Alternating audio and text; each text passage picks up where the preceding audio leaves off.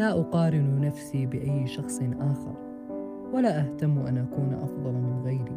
أقارن نفسي بنفسي قبل عام وأهتم لأكون أفضل من نفسي بعد عام. مرحبا فيكم جميعا. معكم فيصل مقدم بودكاست حياة. ويلا نبدأ.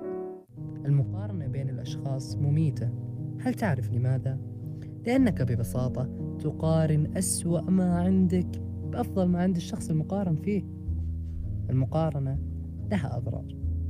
في دراسة تقول أن المقارنة مع الآخرين تؤدي إلى توتر عصبي حيث يقول الأطباء إن الجهد المبذول في المقارنة مع الآخرين يضعك تحت ضغط عصبي.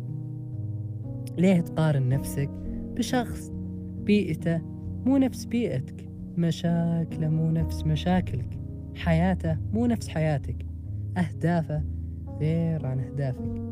ليه ما تقارن نفسك في نفسك قبل سنة قبل شهر قبل أسبوع؟ وتحاول تكون أفضل نسخة من نفسك أنت مو مثل فلان. صح أهلك وأقاربك ممكن يقارنونك بشخص جيد مثلا في الدراسة.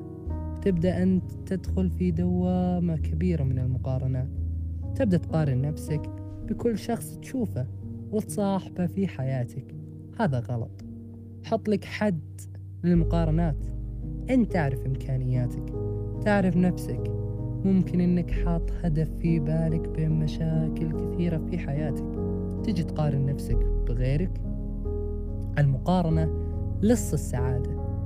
من الضروري جدا إنك تحترم ذاتك وتقوي الثقة في نفسك.